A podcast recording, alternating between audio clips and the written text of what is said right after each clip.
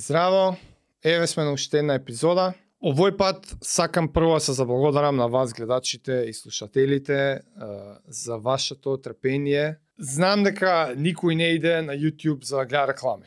И ние во обид да го одржиме тоа, тоа што го викаме ние подкастерска шема, сепак имаме пријатели кои што ни помагаат во реализација на подкастов. И за тоа ви благодариме што сте трпеливи за овие први минута, две, три, кога посветуваме малку време на нив, но за вас сакате рипнете, сакате да прочитајте у описот, у секој случај вашата подршка кон нас и вашата помош, освен што не гледате и пратите, е и тоа, што ги трпите тие неколку минути на почеток која сепак се заблагодаруваме и нормално на кој се заблагодаруваме на Fitguru, сервисот кој што доставува здрави и убави приготвени оброци, спремни за јадење директ, ги носи на врата секој работен ден. На нивниот сајт fitguru.mk има најразни опции, ако се решите да се, се предплатите за нешто, BC10 кодот ви нуди 10% попуст. Благодарности до Best Way Solutions, CrossFit Skopje. Благодарност до тебе, Жаре, што сме уште тука после неколку месеци. Тераме и... не се даваме. Како што реков, благодарност до вас. Денес епизодата е за постење.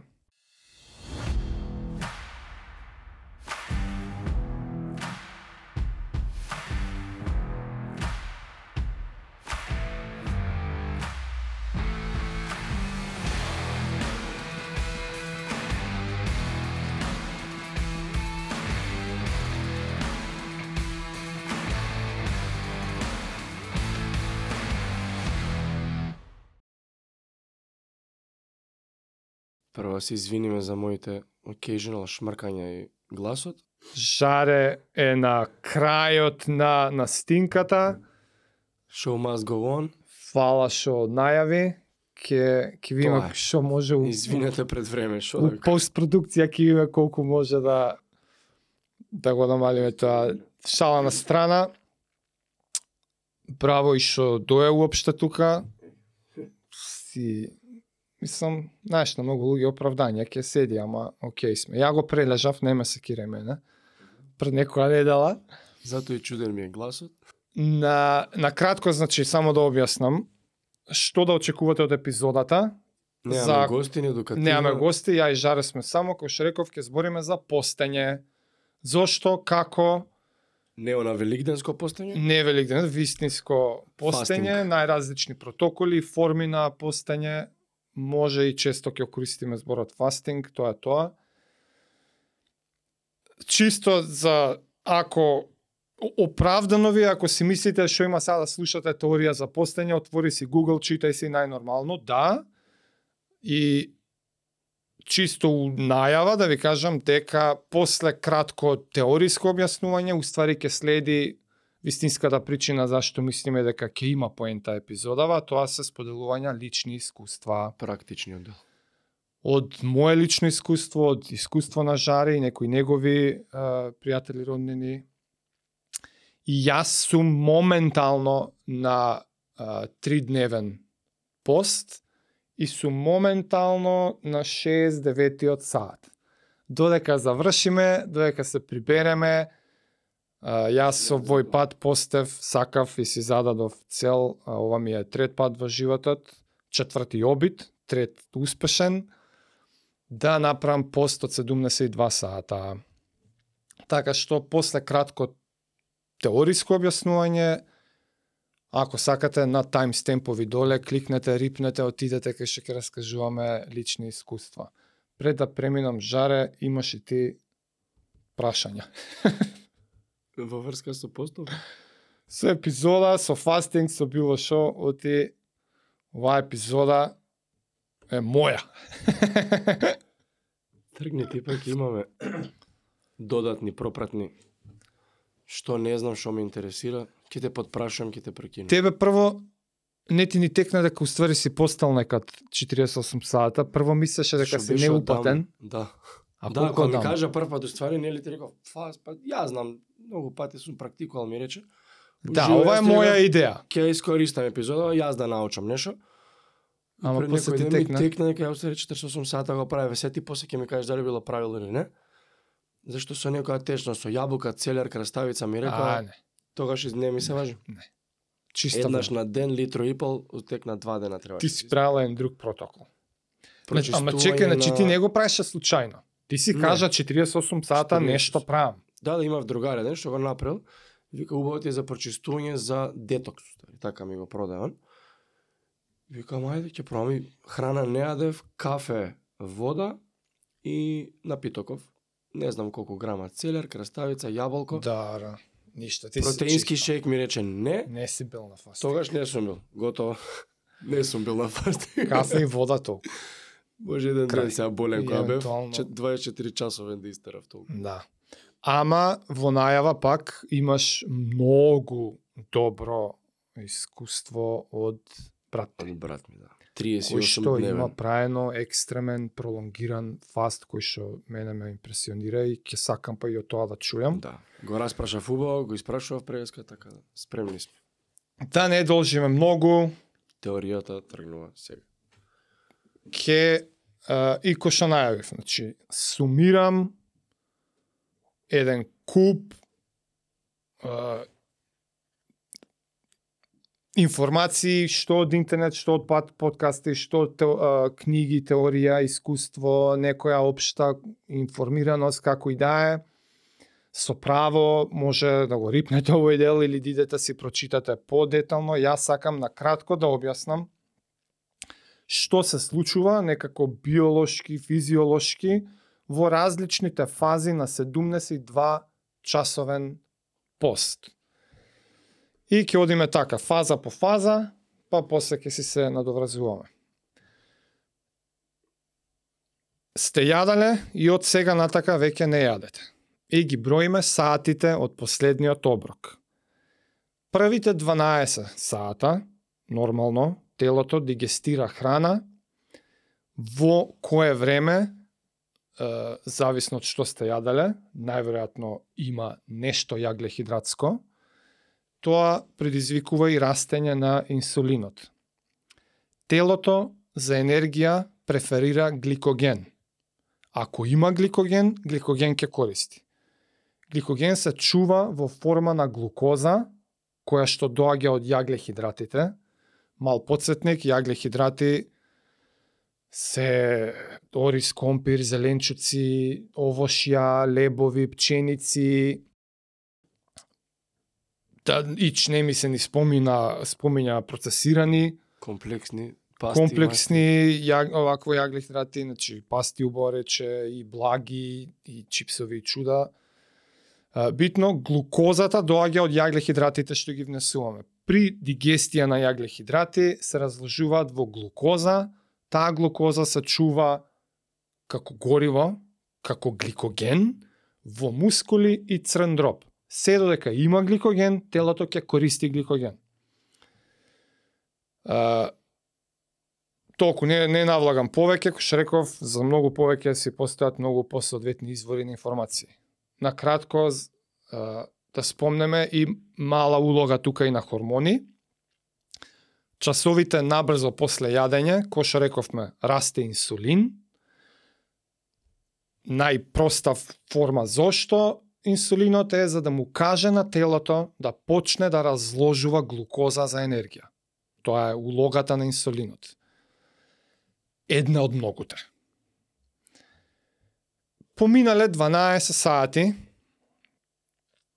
инсулинот почнува да паѓа и хормон наречен лептин кажува кога си сит, тој опаѓа, а хормон наречен грелин кажува кога си гладен. Тој почнува да расте. Ке стане подосна јасно зашо ги спомињаме овие. Толку.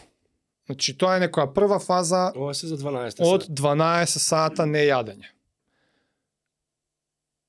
Ако, да речеме, си спиел 8 и си рипнал доручек и ти се погоди после 12 сата да јадеш, ти уствари си таргетирал, ако ти е тоа целта, мала регулација на хормоните.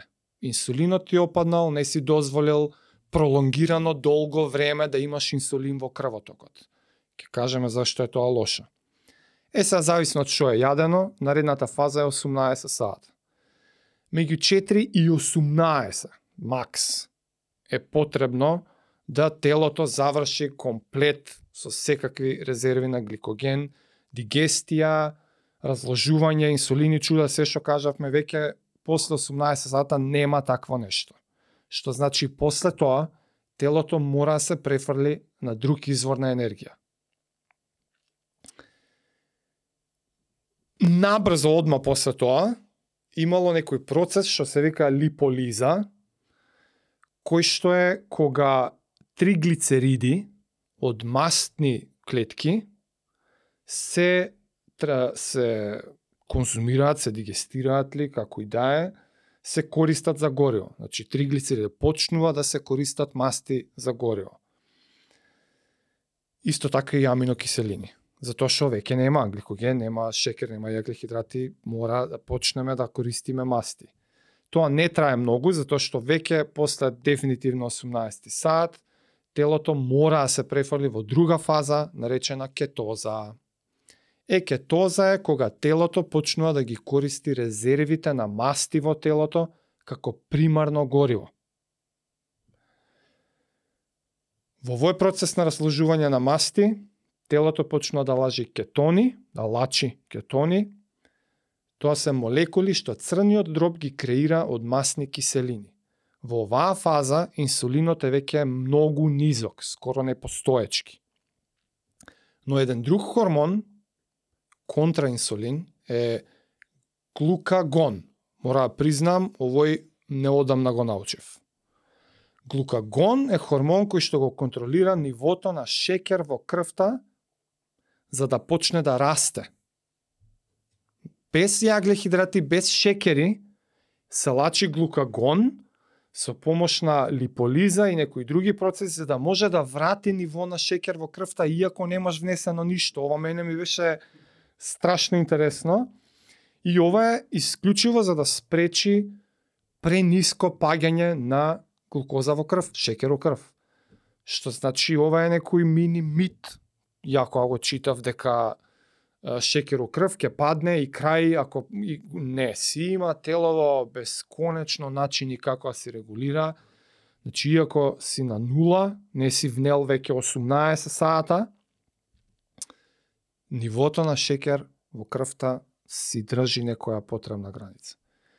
Арно ама таа доаѓа од липолиза, а не дигестија на јаглихидрати и слично преска рековме тие првото инсулин некој тип на постење што можеш да го правиш е едноставно да рипнеш доручок и ќе те фати 12 сата. Ако сакаш да го а, таргетираш, значи да го иницираш и оваа фаза, така чат пат у животот, да влезеш у кетоза, да влезеш у глукагон и такви ствари, тоа веќе постојат други протоколи како intermittent fasting. Тие ќе ги објасниме понатака, ама според фазиве ќе стане очигледно кои протоколи за постење, кои точно фази ги онака ги уклучуваат, ги активираат низ тело. После 24 сата веќе почнува еден процес што се вика аутофагија. Значи, после последното јадење, 24 сата нормал са, грубо се бројкиве, да Секое тело е различно и така натака да не ги внесувам сите тие дисклеймерс. А, како и да е, аутофагија е процес, просто објаснето, е процес на како беше, да се почнува да се поправа себе си самото тело. Почнува да ги отфрла оштетените клетки, мртвите клетки, самите и не само не цели клетки, туку клетките и компонентите на самите клетки. Значи, самите клетки се ослободуваат од компонентите во клетките што се стари или не функционираат најдобро. Тоа е некое по не знам какво објаснување за аутофагија и што значи да почне телото да се поправа себе си. И тука почнува еден веќе не недообјаснив процес што се вика чистење на мозокот. Неверојатно нешто се случува од аутофагија и во мозочните клетки, ама кога се кажува чистење на мозокот во теоријата и во а и во праксата, после 24 сата веќе почнуваш да осеќаш а, ја искрено не го осеќам овој момент, а, луѓе како на brain fog што го викаат, као магла. Премногу здраво и активно живеам и ја немам осетено да да почнам да заборавам, знаеш, меморијата не ми работи, или зборовите не ми доаѓаат доволно брзо, па не можам да се изразувам, или термини не ми текнуваат, или на работа сум непродуктивен, ама многу луѓе репортираат дека после 24 сата осеќаат дефинитивна разлика дека мозокот им работи поубаво. Поубаво има. Поубаво. Како полесно Пошарп. можат да се присетат фокус. на зборови, на идеи, на концепти, на, на мемории, а, како да им се тргнала некоја магла што што не биле ни свесни дека ја имаат, додека не го осетиле ова чистењево. Нешто друго што ја почнувам веќе да осеќам после 24 сата, што валјда спаѓа учистење на мозокот, е малце по емотивна разлика, по емоционално, на пример, не избувнувам лесно, Не Многу си поемотивен, него си поконтролиран. Тоа Не, немаш ништо не те нервира, смирен си, линија. по, порамна линија, очигледни дешавки низ животот што знаеш дека обично ќе ти изнервираат, не нешто многу, ама онака да ти дое, како не ја осеќаш таа потреба. Тоа е нешто прво што почнувам ја да осеќам тука негде после 24 Некоја сата. смиреност. Така, баш така, смиреност. Нешто многу друго важно што и што се случува во врска со аутофагија е што во тој целиот процес на чистење на телото се намалуваат инфламации, се убиваат, се убиваат канцер клетки, се чистиме од дефектни протеини, што е некаков си сомнеш за Алцхаймер. И е, важно да се напомене дека тоа е природен процес, што си се случува многу повеќе и често додека сме млади, но како старееме, самиот процес опаѓа. И скоро и да не се случува, освен ако го изфорсираме со постење. И се мисли дека со аутофагија, која што е иницирана од постење, се намалуваат ефектите на старењето и се продолжува животот. Аутоимуни болести. Аутоимуни болести, така натака, се е тоа во та штом почне аутофагија и сега пак или да не ги споминам, значи тука сум, ај после ќе ги поминам. А, ама станува очигледно под кој протокол на постење би го активирал овоа. Кој да е протоколот што ти направил да не јадеш 24 сата? И сега има најразни. Јади 3, не јади 1, јади 5, не јади 2, не знам, рипа и оброци. Како и да е, ќе си се снајдете, ние ќе ги наброиме после на кратко. А интермитент е уствари која дел јадеш, дел не јадеш, така? Intermittent fasting е апла. 8 со 16, 4 со Бук- 20, 1 со да, 23. тие. Буквално може да си се преведе терминот е повремено постење. Повремено постење што се одржува во 24 часовен циклус. Тоа Што пирузе сега го гледам, 1 сат Да, јаден, он прави 23 не еден, јаде, да. Значи било каков распоред на саатите, тоа се про, window, time window, значи Прозорецот во кој јадеш, прозорецот во кој 4 јадеш сата, 8 сата. може да е 1, 4, Шест. 8 Кој до ти одговара, 12. избираш. До 12.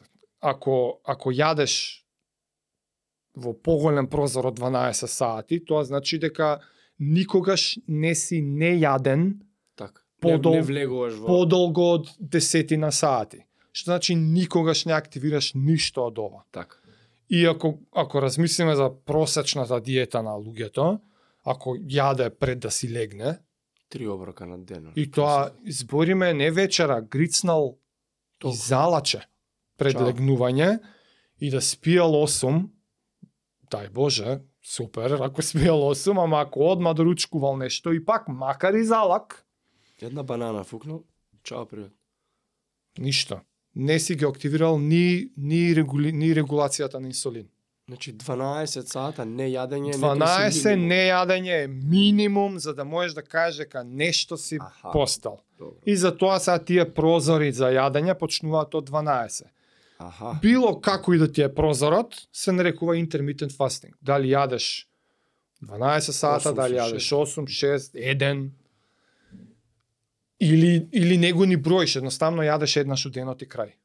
Има и такво. 15 минути. Да, има и такво. Сите овие, зависно колку си издржал, ќе таргетираат, ќе активираат некои од ствариве што ги набројавме до сега, најспецифично аутофагија. Значи, ако бар за нешто се мотивирате да правите, бар аутофагија е прилично лесно да ја фатиш 24 сата. Ако не јадеш, ќе ќе ја буцнеш бар малци. И ако го правиш редовно тоа, од аутофагијата не се случува после 24 сата и после не се случува. Таа таа тогаш почнува да работи. И сега се што ќе набројуваме после се си се акумулира едно во друго си продолжуваат да си работат. Значи колку подолго работи аутофагија, толку подолго трае тој процес на себе поправање. И се теорија колку пати е добро 24 часовен пост, на пример. Човек, На знаеш, 10 дена, на месец. знаеш како сум вишел оваа фаза на животот со луѓе, колку сакаш. Ама не, као бенефити да се видат, има ли некој терк, некоја теорија Нема што ти терк, дава? човек, нема терк. После ќе си- влеземе у лични примери. Да, па и брат Ама- ми рече многу индивидуално, вика. Индивидуално е, убаво е да се проба.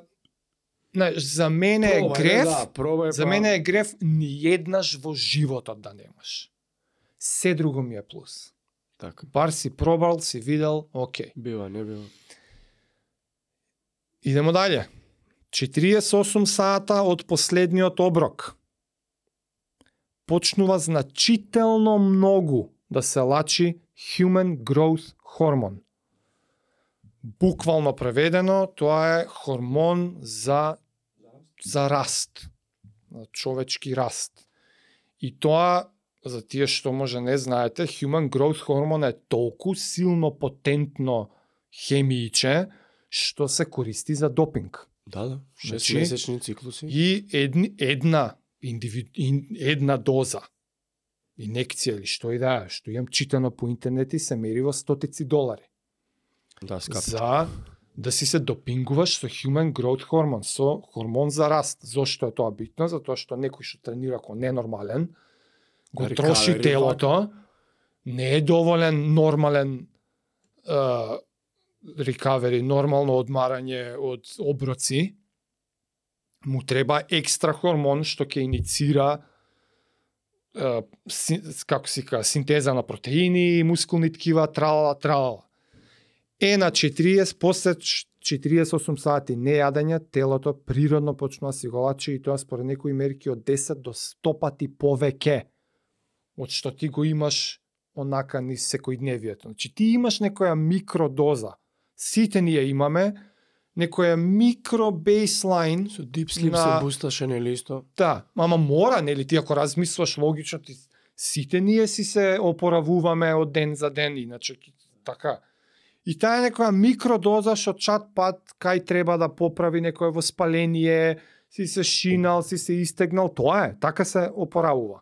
Со хормон за раст, тоа е тој што ќе му каже на телото на тие и тие протеини, Само лекувачки процес. Идете таму, синтезирајте, тралала, тралала. Арно, ама, во оваа фаза, толку е пораснат растот на тој хормон, што е 10 до 100 пати повисок од тој некој нормален секојдневен бейслайн. Кај дојдовме? Так, и кој што реков. 48 сати. Да.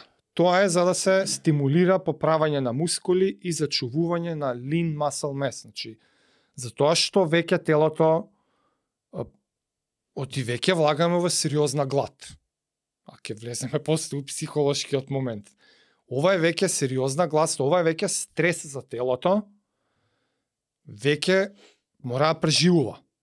И ова се само будења на некои пак ќе се вратиме 2 милиони години еволутивни процеси, нешто што нашаво тело си го има природно како капацитет да се справува со стресови.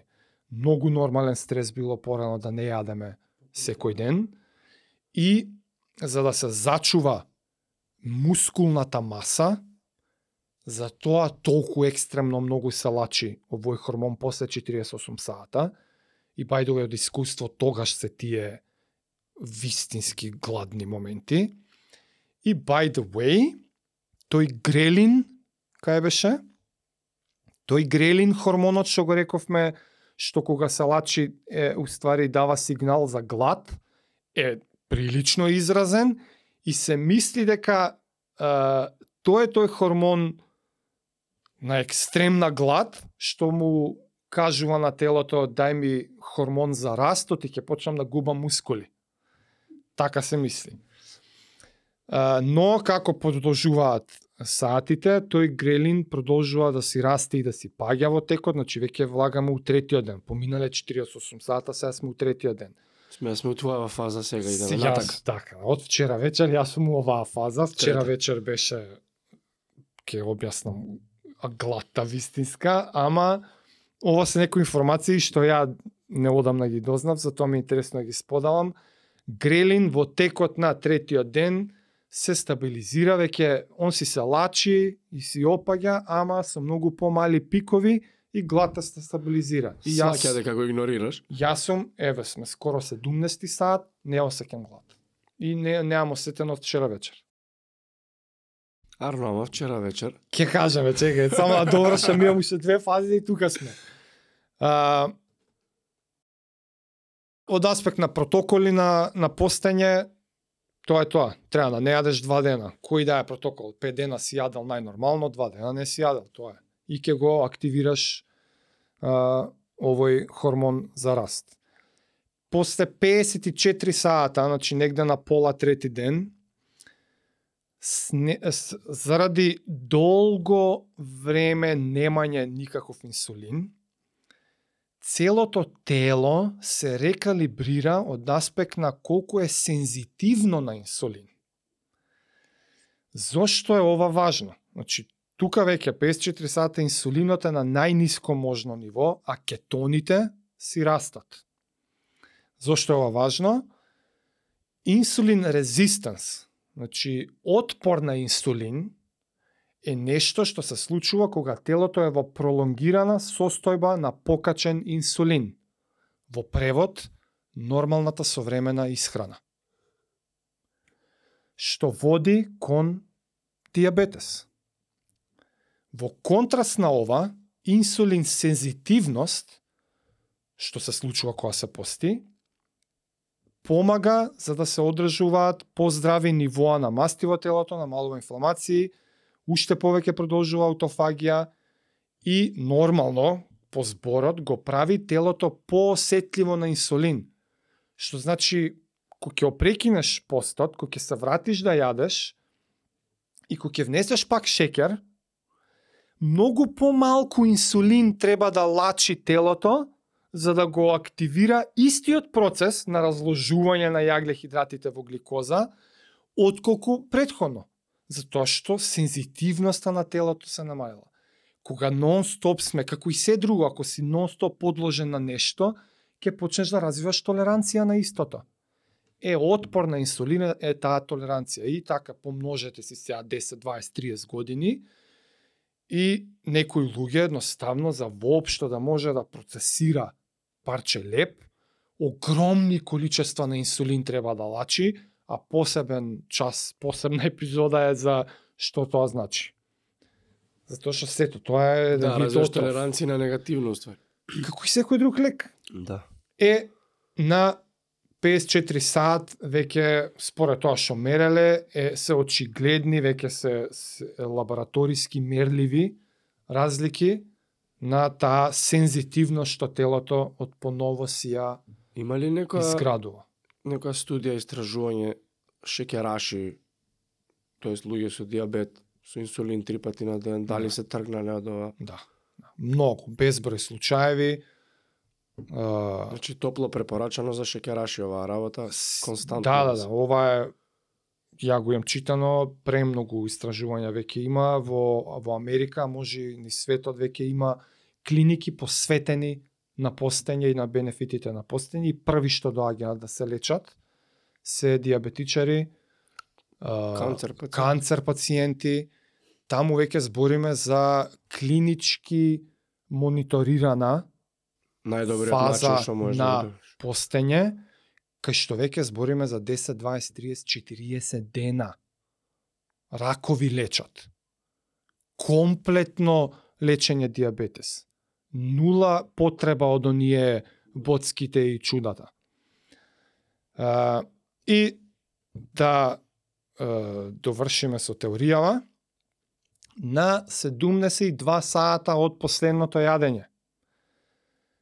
Ова е beyond me веќе, ова е над мене, не го ни разбирам, апла ќе отчитам некој си хормон наречен IGF-1, Insulin-like growth factor, не го ни преведувам, кој што е инволвиран во раст и развој, почнува да опаѓа, а ова пак тригерира, ај се, му кажува на телово да почне да продуцира stem cells, матични клетки. Ова е после 72 сати. Ова е на 17 да. 17 сата. Аха, со комплетирани. Па изгледа вајда тука негде при крај, јас се надавам дека сум сега тука негде, ама грубо така го пишат обично дека 72 сата пост почнува да се активира некој процес кој што креира, значи ова мене исто прв пат Јас за матични клетки верувам повеќе во од нашиве гледачи слушнале од пред некое време матични клетки се од пред деца. 10 на 20 години од папочна врвка, ќе зачуваат, па после помага за најразни болести и, и За не дај Боже за уидни на да, детето. за лекување на различни начини за лекување. Супер. работа. Битно тоа се клетки кои што се можат да се претворат во било која друга клетка што на телото му треба во одредено време. И а, било огромно а, како како се ка пронаоѓање научно било Кој е било онака кога, кога, кога откритие, да. Било огромно научно откритие кога виделе дека уствари телово може само да продуцира матични клетки дури и во во некоја возрастна фаза, не само кај деца и бебиња што растат стомак. Што само по себе Што мислам дека значи ако е една причина ви треба за за постење, Тоа е тоа. А, креирање, значи покрај матични клетки, најверојатно поврзано и со овој процес е исто така се креираат и нови а, immune cells, клетки што имаат улога во имунитетот. Се намалува оксидативниот стрес, кој што знаем сите витамини нели се анти антиоксиданси. Има причина зошто сакаме да сме антиоксиданти, тој оксидативен процес е стрес, тој е тој процес што како и кога ќе запалиш дрво, од дрво ќе стане пепел, такво нешто се случува и со клеткиве наши. И сето ова комплетно е нешто што се верува дека помага во превенција на старење и канцер. Толку со теоријата. А, спомнавме, ама отприлика и се очигледни. Ти спомна интермитет фастинг. Тоа се се различни протоколи за како, ако веќе си решен да постиш, како да постиш. Како и се друго, бар у спортов ние сме навикнати дека кон се треба да пристапуваш со некоја прогресија. Е, сега јас сум на некако на две гледишта сум тука. Од една страна, за некој заинтересиран, што би сакал да почне во оваа авантура на постење, има како да прогресираш. Никој не вика дека треба одма. Ама од друга страна па исто сум на гледиште на зашо па ти е толку лесно. Или реши, прај, исто ќе ти биде. Исто ќе ти биде. Ама да признам, полусвесно, полунесвесно, ја уствари задниве неколку години, повеќе од три, дефинитивно, може би пет, а, несвесно сум ја направил прогресијата уствари. Што е прогресијата? Uh, low carb diet. Диета со многу ниски нивоа на јагле-хидрати. Ја тоа сум го правил од тренинг аспект. Ми требало uh, да активирам повеќе метаболизам на масти, што за кето. долги тренинзи и сум си се ставил на кето. Зашо ова помага? Затоа што полека како да се ослободуваш од некоја завист од јагле-хидрати. Ути првиот бран на глад, лажната глад што те фаќа, е затоа што кризираш од шеќер. Ами за атлети на издржливост како тебе Е така. Супер И- гориво дизел, ствари. од Ама за тие што не биле на такво нешто, а сакаат да си го олеснат процесот, зошто е зошто е ова прв чекор кон олеснување на процесот е за да немаш кризи. Луѓе што си јадат најнормално лебови, благи, свашта, кој ќе почнат да постат, уште после 2-13 сата криза ги фаќа. Буквално криза. Таа криза е јагле-хидрат. Ти кризираш по јаглехидрат Е, ако си научен неколку месеци да функционираш на исхрана што има многу малце јагле-хидрати, ќе можеш да си го олесниш тој прв чекор. Нареден чекор е веќе рековме intermittent fasting. Значи почни, рековме 12 сата да не јадеш. Така неколку недели, денови, колку сакаш, кога се тука веќе ние го викаме протоколи, ама нема протоколи, ние ќе ги наброиме кој како сака нек си ги прави. Битно од 12 сата почнуваат. После тоа зголемувај си го тој прозор. Не јади 16 сата, не јади 18 сата, не јади 23 сата. И пак нема, ти преска праша колку денови. Што ти кажам, ја има периоди кога не се замарам. На времето кога ќе ми текне да се замарам, обично правам 24 и у тие 4 сата како на секој сат јадам. Од ја па морам да надокнадам многу калории за тренинг. После нека време нема правам ништо. После ќе ми прдне е сум се најал нешто многу лошо, да речеме, и ќе си кажам е до исто време утре дента нема да јадам. Ке се казнам се, не. Чисто да си ги избришам шекерите, торта сум бутал некој чипс, кој знае што е еднаш две недели. Не се ни замарам ни толку. Сега ние со подкастов, знаеш, некад на луѓево кој знае им делуваме Шаолини, Буда, Да, бе, не сигурно. сме ни толку. Нормално си се опуштам, не се Ти замарам. си поише од мене, што Ама и тоа спаѓа под intermittent fasting. Некад до толку сте се заситиле, ја обично така правам.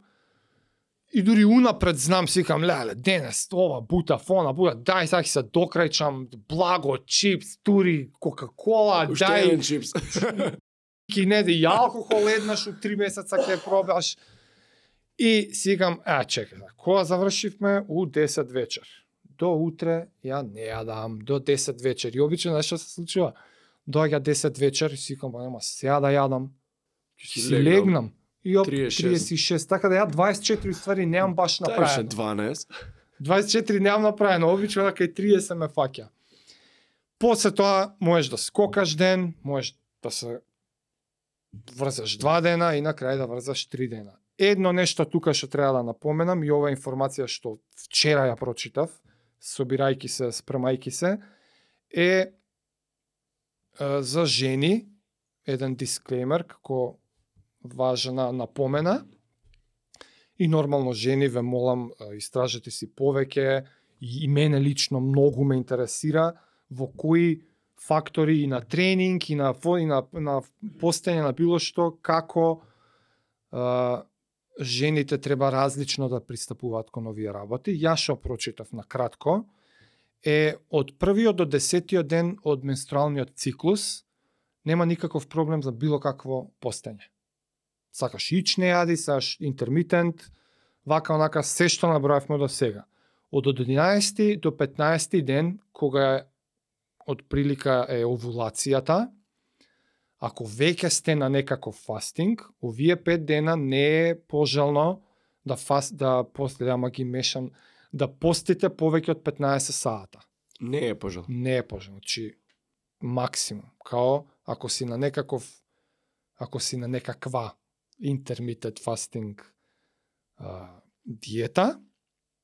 15 сати не јадење е као најмногу така викаат. 22 до 28 ден грубо е валјда кога е, е крварењето. Е тогаш не се препорачува никакво постење. И зборам со сопругата и викам, скоро се тачно, како ја дори имам добиено да не јадам, па ќе Да, убијам. нели имаат нагони за ќе убијам некој. Ќе убијам, значи то очигледно некакви знаци телото дава Да, да. дека нема тоа. А и, а и логично е, знаеш, кога ќе размислиш тоа, тоа тотално други циклуси се и за тоа многу би бил благодарен и ако ми пише некој, и ако ме посочи некаде поише да дознам, од секојаш многу сакам да ги е, Да, да различни се сме. информирам Не... многу поише за ова и се извинувам ако и ова е тотална утка, ја вака го прочитав. Неаме Признавам дека да- појма немам, дури и кога викам жени на подкаст некојаш, многу ме интересира и тоа, што, што од аспект на тренинг, на пример, прават различно. Е, сега ти преска убаво ме праша, како да се прекине постот. Зависно од колку долго не сте јаделе, и тука веќе преминуваме во лични искуства. Тука ќе биде новиот чаптер. Сега веќе зборам од а, лично Прво што ти се искуство, а случило, и кажи си на нормално... 48 сат. Е, така да. Не знам кога го спомнам, тоа има психички причини и свашта. Со нагоното на кој е највисок оној хормонот за глад. Да, да. Чекај, не, ќе до тоа, че друго ми беше сега. Значи, а имаше ова Како е да се прекине не, пост- мала тангента. За сите што не критикувате за многу често користење англицизми, еве еден типичен пример за збор кој што иако демек имаме превод, ра, значи тотално различно. На англиски breakfast е break fast. Прекин на пост. Тоа е буквалната смисла како концептуално идеолошки што значи терминот breakfast на англиски е прекин на пост. Нормално дека нема во нормален говор да убацувам англицизми и да кажам breakfast, затоа што имаме наш збор доручек. Арно ама, доручек е до ручек. Тоа е тотално различна ствар од прекинување на пост До оброк, до ручек. до ручек. Идео вака концептуално, мислам, мислам дека не треба да довол уште да продолжам да објаснувам, ама еве еден банален пример зошто некогаш многу поинтуитивно ми доаѓа да користам англиски зборови затоа што идеолошки концептуално на друго нешто мислам. Break fast. Прекин на пост. Според мене, до 48 сата, ја бар не сум се замарал. Ако сум постал 48 сата, првиот обрек после тоа, што и да ми било нормално у таа фаза на годината, дали сум јадал кето, дали сум јадал ореви што и да е, зависно од тренинзи, си продолжувам кој што сум бил. Кога постам 72 сата, еднаш се заебав, јадев салата со блу чиз. Оу мислејќи дека јадам лајт и чисто фет, демек немам јаглехидрати, нема да да Нема да спајк отидеш на инсулинот. Арно, ама некои киселини ми се створија, некои како ме болеа вака вилиците, како екс- како кои ко боцки вака ножеви во Вајда кај што се лачи плунката. И сикаме изгледа се заебав. не не е ова лајт. И после тоа веќе првиот оброк после 72 сата постење мене ми е некаква чорба. Денес моментално ми се крчка најобична супа со морков, кромит лук, нешто зеленчук, која што ќе ја ставам, кој ќе се приберам, еве сум више 71 сат влагам, кој ќе се приберам дома, ќе ја ставам на блендер, за да ја направам како крем супа. Поташ. Ја лично не чекам многу после тоа, ова ми е вајда само колку да го како да му дам, да го разбудам жалудникот, да му кажам, окей, спреми се, ќе почне да иде храна, ама не ми се шокирај одма, еве ти малце, течно, уживај и нема ни пола сат, сат после тоа си продолжувам со Што јадеш од сега? што си јадам, што ми е исхраната диетата у таа фаза. Сега преска ми кажа со првиот оброк нешто. Е така. Е, сега Многу интересна информација. почнуваме у фазата на епизодата кај што збориме зошто.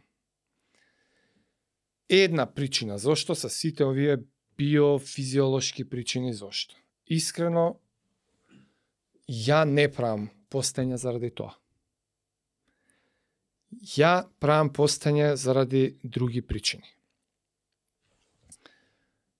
Една од првите очигледни прилики причини што мора да ги спомнам е ќе има врска со една од претходните епизоди, а тоа е со допаминот. Во процесот на постење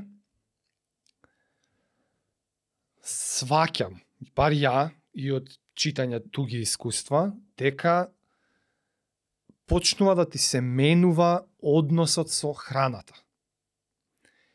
Почнуваш да сваќаш дека 99,9% од времето и од желбите зошто јадеш немаат врска со глад. 99% од кога не постиш никако, онака си живееш и си јадеш, кога постиш, сваќаш дека се до тогаш ти си јадал ради нагон.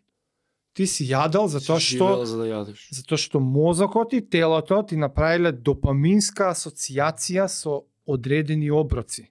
И кој што зборевме на епизодата со допамин, си јадел нешто, ау, леле, шо убаво, тоа чувството на убаво е пикот на допаминот, благо паѓа после тоа допаминот под бейслайн, благиот пат е тоа што креира нагон за да бркаш наредно допамин врвче. Е па ако претходната асоциација ти била со некаков оброк, тоа што го осеќаш како глад не е глад, него е нагон за пак да си го задоволиш истото допаминче. Тоа почнува да станува сам за себе си го сваќаш, не теориски. Го осеќаш вака, сваќаш, да. човече, ја уствари секад јадам затоа што онака буквално како зависност од и посебно од јаглехидрати. Што ја дава првата причина зошто за мене е многу е, голема придобивка 17 сата е после таков ресет што буквално правиш рекалибрирање на тој цел систем околу допаминот. Што значи ти си сега бланко. Јас сум во таа луксузна позиција да можам да одберам првиот оброк ќе ми биде новиот репер за што ми е допамин врв. Сваќаш и ако сум ако Изеде сакам седмица, ако сум бил доследен на процесов и бајдове имам приметено дека вториот ден е кризата, ама третиот ден веќе имам доволно доследност и, и контрола на нагонот да сум тотално во состојба без големи е, како се ка искушенија да одберам здрав оброк. Не ми не иде да јадам благо, не ми не иде да јадам нешто такво многу богато што знаеш дека ти прави огромно задоволство. Не, толку сум некако стабилен и смирен и свесен дека оке, ова е златна прилика. Првите неколку оброци ќе ми бидат многу паметно, здраво, одбрани и готово. Јас сум го калибрирал сега системот. Ја ќе се вратам после во истиот е, оној континиум на јадење ради нагон. Ама нагонот ќе ми биде салата, јајце, што и да е здраво. И ова го тврдам од искуство, веќе неколку пати искусено. Исто ниво на задоволство ми причинува убава салата со маслиново, со некое семче, со некое козио сиренце. Јас сум вака во, во екстаза, значи едва и чекам ко да јадам сладолед ко дете. лигите течат. Сакаш лиги ми течат, буквално истиот допамин врв го доживувам од такви оброци за тоа што сум поменал низ процесот. Спомнав искушенија. Тука мислам дека е најсилната причина зашто ја го правам ова. И е нешто што најсилно се забележува и, и е причина зашто мислам дека што поише луѓе треба да пробате за да го искусат ова. А тоа е да видат дека сме робови на нагони. Не само во јадење.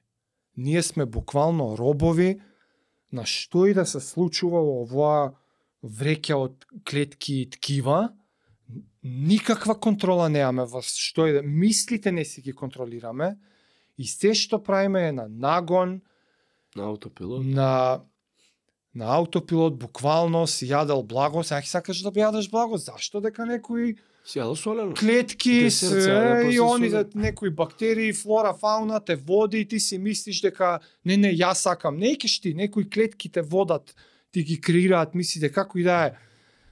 Многу очигледно станува тоа. Знаеш како некако како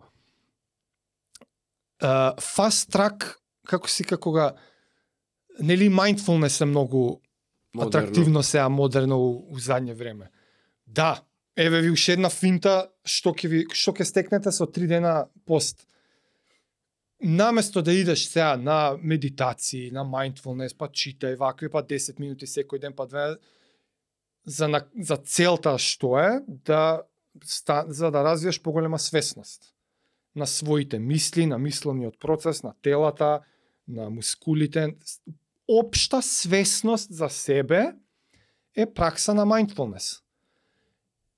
Ако не ти се прави тоа, пости три дена. Тоа е автоматски вака си фрлен у вежба на mindfulness. Затоа што моментално, уште на 10 саат, ќе почнат искушенијата. И тука веќе почнуваш да сваќаш. Дека сега се се сведува на ја треба да се справувам со искушенија. На само контрола. И сега тука има една моја, ова е моја теорија. Порано, збориме милиони години, во, во процесот на еволуирање на нашиве тела, немало искушенија.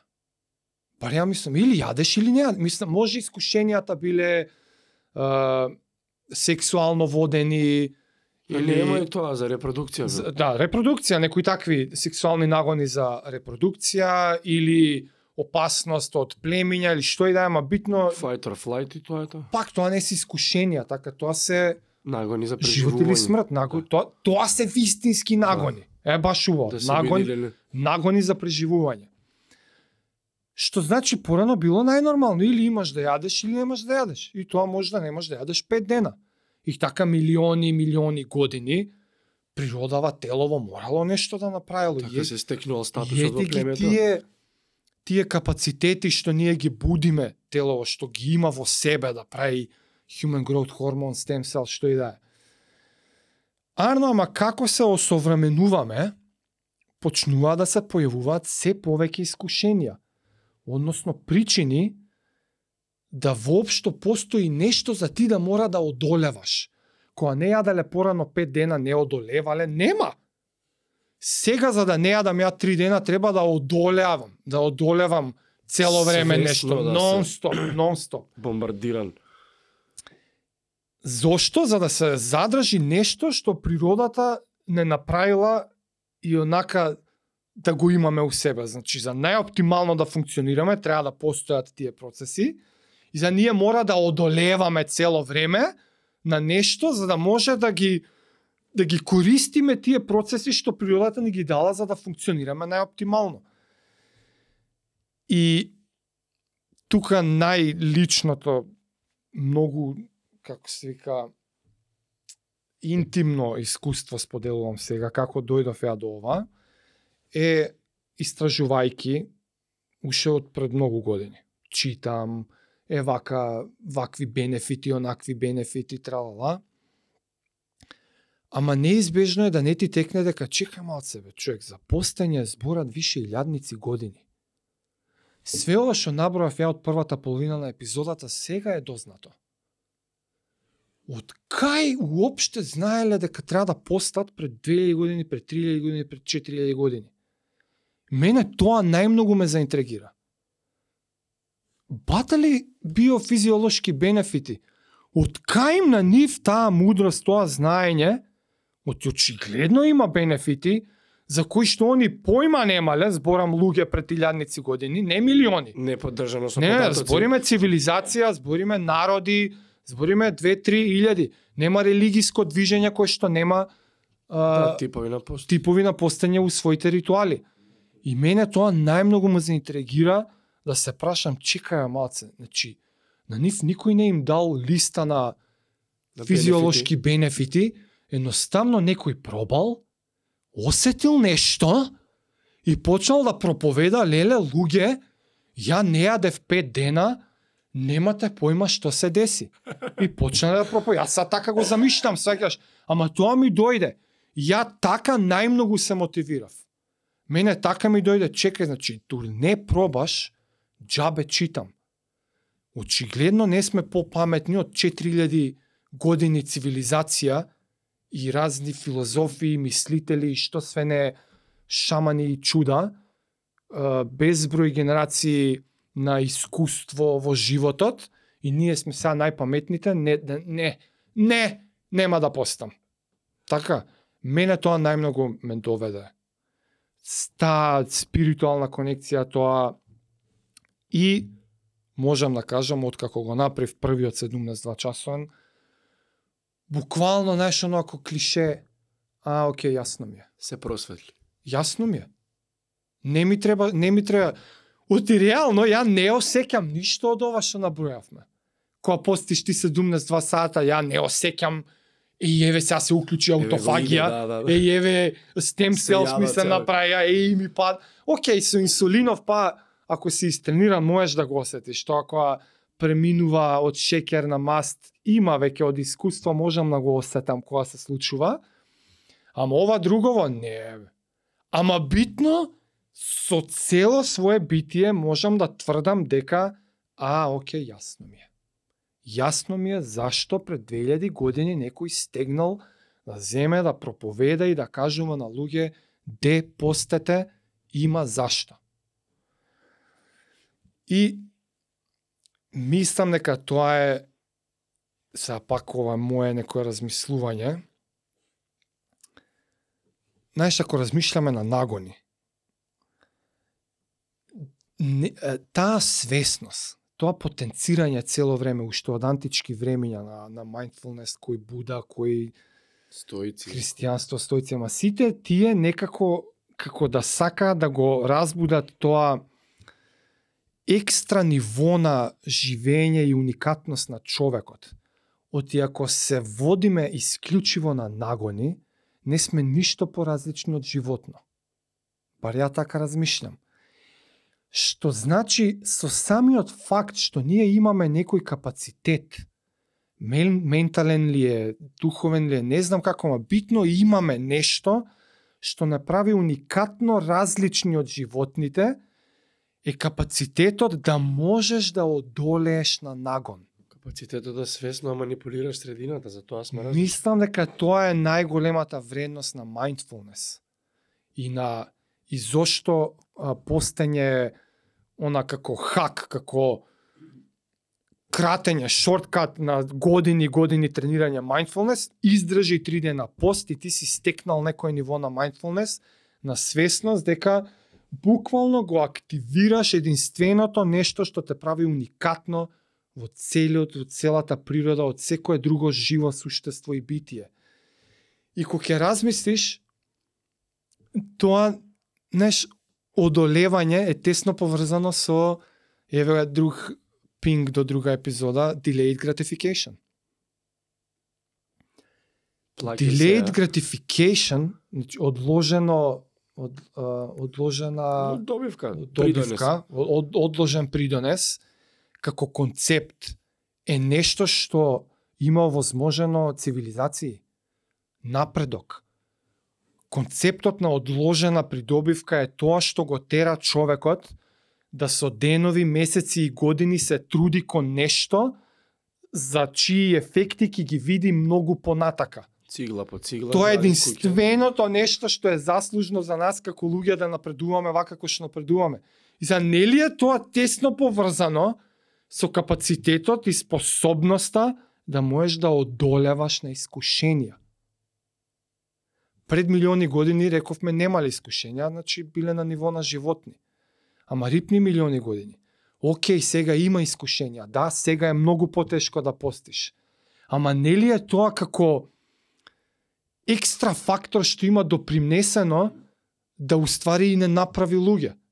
Да стигнеме до тука кај што сме. Да, има искушенија, не е исто. Арно, ама имаш и капацитет да одолееш на тие. И јас кога постам, ја тоа најмногу го го осеќам. Веќе на кратко ќе ти кажам за брат ми, може да завршиме тука. Што ми пише уствари преска? Мене ми текне дека он 38 дена. Мора објасниш поише за тоа човек. Он Зашто? Зашто? имаше прво 11 дена, зашто имаме преиспозиција за аутоимуна болест, фамилиарна, и он тука како он да ја спречи. И ја еве сум влегол во здрав лайфстайл, вежбање едно друго, начин Ти си го избегнал. Па не знам, не дај Боже. Аха. Дај Боже. Ќе видиме понатаку живот. Али и он се обседна со тој момент на здрави. Сега нашол и истражувал дека а, постењето, односно фастингов, допринесува за таа работа да се да се избегне нели тие избегнување на аутоимуни Да, болест да. паралелно со рак. И тргна он со интермитен фастинг кој што кажа ти полека полека значи он фати процес прогресија да се прави. прогресија, несвесно мислам, дека како истражуваше, така експериментираш. Океј. Интермитен, кето, че све ова се тесно поврзани, нели, е, избегавање бе, на е многу регулација на да. инсулинот и така натаму, аутофагијата понатака. И вика јас нема да дадам, јас не го разбирав во тој момент, тоа не знаев, ко- кога ми кажа ќе бидам на кето. не треси глупост, кој славе со мајонез и со месо и со пребрад. Чекор пред мене од тие работи, секогаш. И ја од него учам уствари на за тие теми. И он уствари е секогаш експериментот од можам да посочам. Еве он направи вака и вака. А, и тргна прво да ме убиеш дали 8 дали 11 дена, бе, не се сеќавам. Првиот негов пост, Чисто вода. чисто вода. Добра прилика да кажеме дека за кога збориме за постење, збориме чисто вода. Вода, кафе. кафе. и чај се важи. Кафе мислиме на еспресо, не на нескафе. нема- Со млека, нема не татоци, макијато, нема капучино, ништо. не. Чисто кафе вода, Нешто што сакам да напоменам, не, брат ти дали праеше малце сол да додаде во водата? Да, за ком Мин, е, минерали.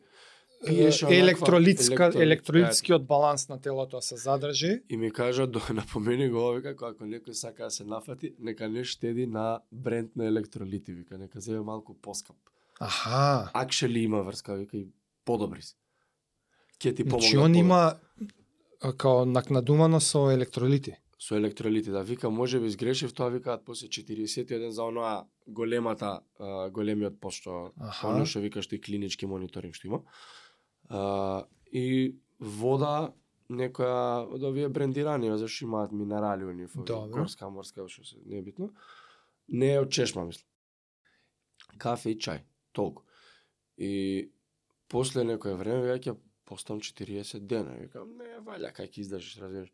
Ама веќе се ускописти за нешто такво го тера. И И он се фати да се фати бре. 38 38 дена и јадел само, сега ќе ти прочитам, не јадел, него внесувал псилиум хаск. Тоа ти е фибер во прашак, се раствара во вода. Проаѓа низ цревата, делува као лаксатив и не абсорбира и не се абсорбира. Нема нутриенти. А Све зашто што го внесуваш внесува? излегува за као лаксатив за да ги прочистува цревата. А он плюс перфектен- сака да чисти. Перфектен е за долги постои. Јас. И почесто пиев вода и чај и ми пишал као алот. Те многу многу. треба, многу треба. Да. Поредко кафе, исто така за дугачки постои и кафе најдобро да се избегнува.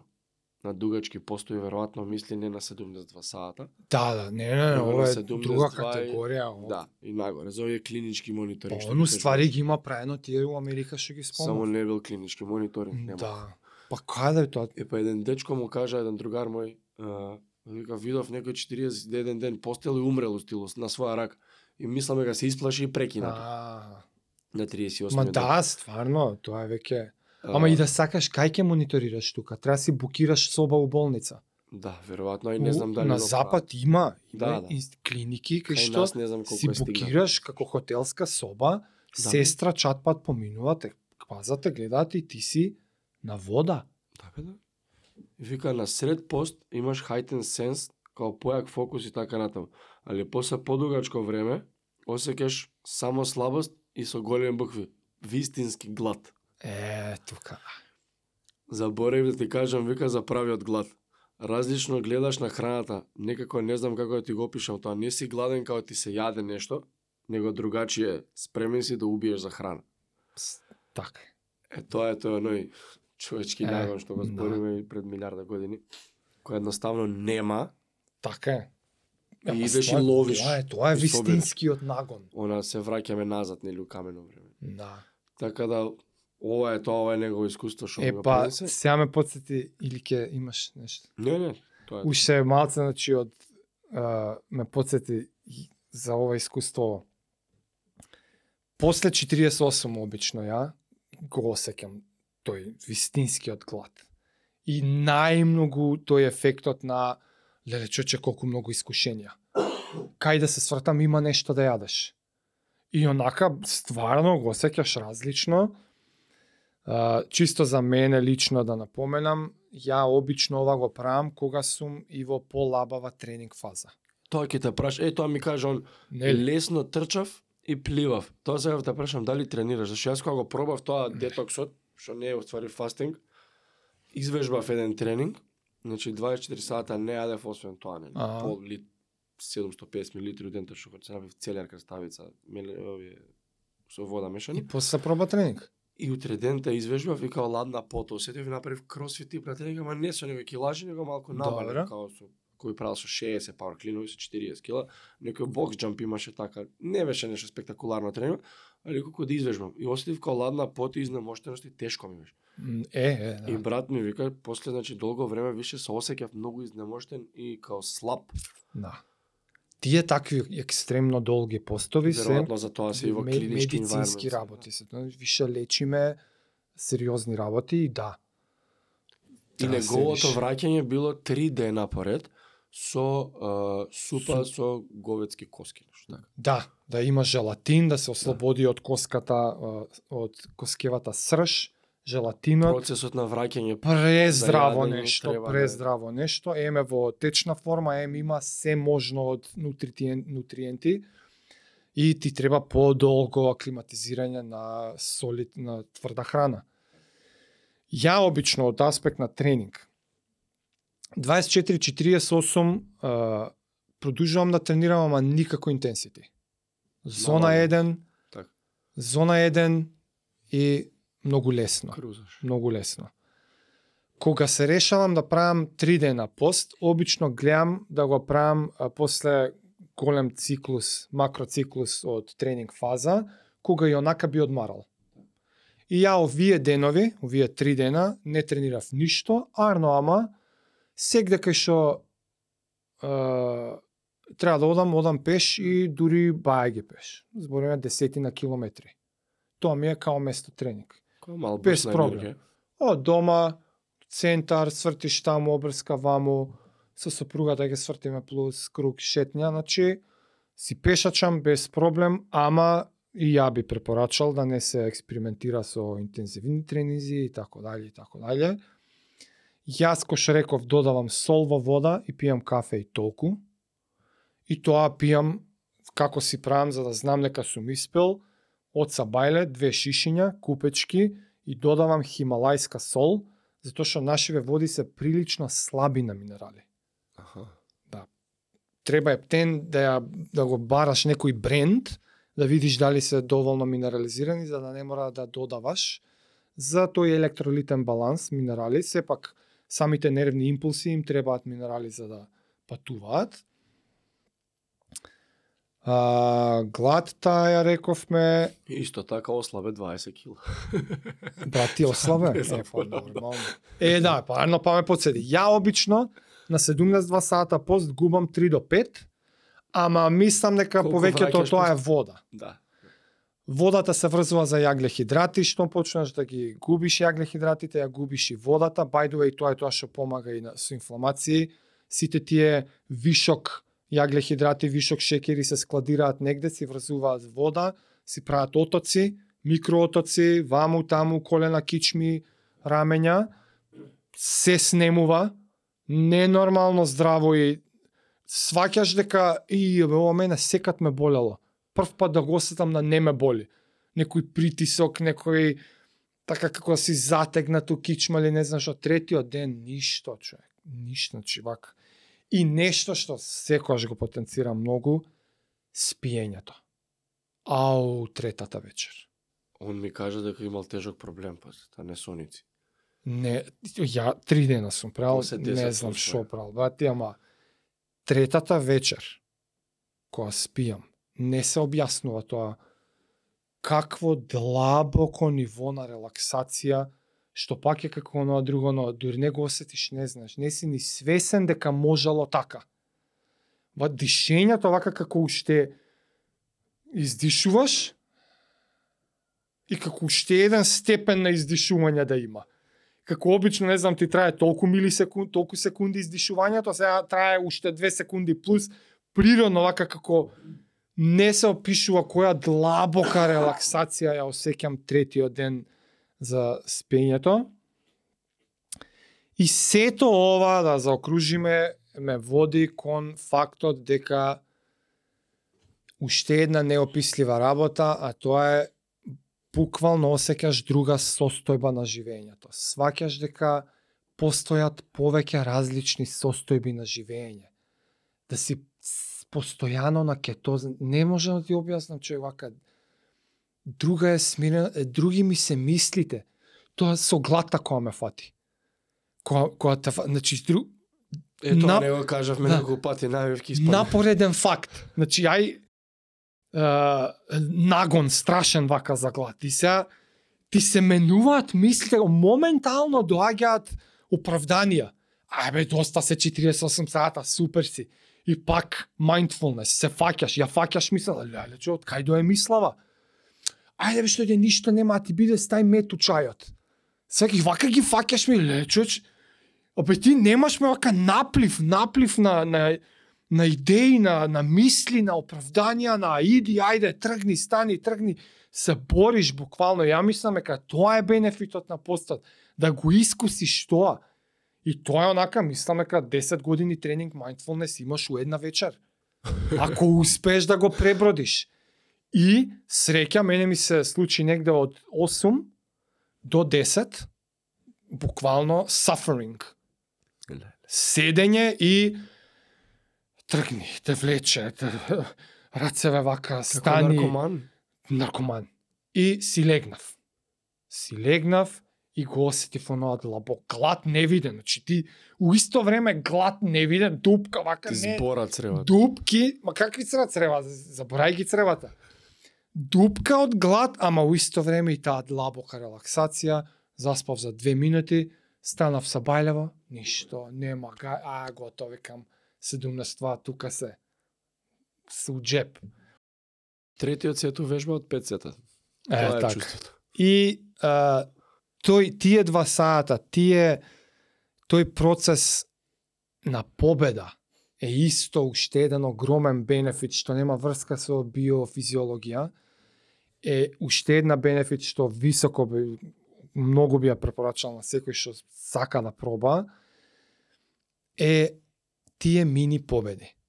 Тоа сваќање дека сме на нагони И разбирам, животот е многу тежок за многу луѓе, на крај на памет не име, сега да земе, да ти да да мисли на храна, да мисли на ваква исхрана, вакви тренинзи, ова било здраво, тотално разбилило на некои луѓе им е многу тежок животот, немаат ни време ни ресурси, имаат проблеми у живот.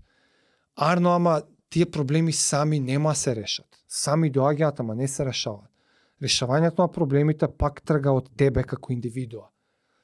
Ама биди бар малку свесен дека од тебе како индивидуа тргаат и тие идеи и мисли што не ги контролираш.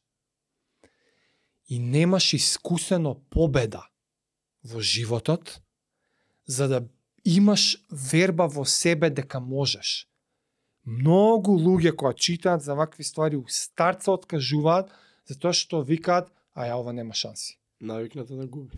Не, не искусил победа. Од протоколите што ги објаснивме, почни со 12 сата. Кажи си, 12 сата нема јадам, колку и да ти е тешко ќе и ако издржиш, тоа е една мини победа. Па и не издржи, пробај пак. Тачно, браво. И да не издржиш, окей, при... а, изгубив. Ама тоа е прв чекор кон свесноста. Тоа е прв чекор кон, кон mindfulness. Знаеш дека 8 сати си издржал, сега идеме 9, 10. Тоа е, еј, чекај бе, јас сам си реков 12 и сам си се поразив. Маратон не се трча одеднаш. Вау. Изгубив човече. Зашто? Затоа што видов е, чоколадце. Следен Океј. пат ќе нема чоколад. Сле не, ќе, ќе го има, ама ќе издржиш. Или ќе учиш од грешките, ќе се Мини победа. Мини победа, мини победа, мини победа и полека целиот мајндсет ти се менја. Затоа што, е, можам 12, можам 16, види денес само еднаш јадев. Ајма се запнам сега два дена. Това три дена, па, па утре кога ќе сакаш да решиш тренинг, ќе, ќе знае, па можам, ќе го имаш искуството лично дека кога ќе си рек, кога ќе си кажеш нешто, си го успел. И тоа после важи за све. Кажи си дека ќе тренираш, ќе успеш. Кажи си дека ќе јадеш здраво, ќе успеш. Кажи си дека ќе пристапиш различно кон животот, работа, шефови, проблеми, што и да е. Тие се тие мини победи уште една од а, тие скриените причини зашто се пости. Што друго? Ја мислам дека покрив све. Тоа е тоа. Мислев дека ќе завршам побрзо, ама не. А, фала ти Жаре на темава за денес, фала ти што ми го даде мене времето. тебе ја ти ја. Ја имав одамна желба да си го споделам ова искуство, се надевам а, бар некој ќе мотивирам да го испробува, чисто како уште една различна состојба на живење. Слободно контактирајте ме за се што заборив да кажам, за се што интересира од лично искуство како сум се справувал, многу би сакал да помогнам на некој. И тоа е тоа. Поздрав дечки. Поздрав. Чао, чао.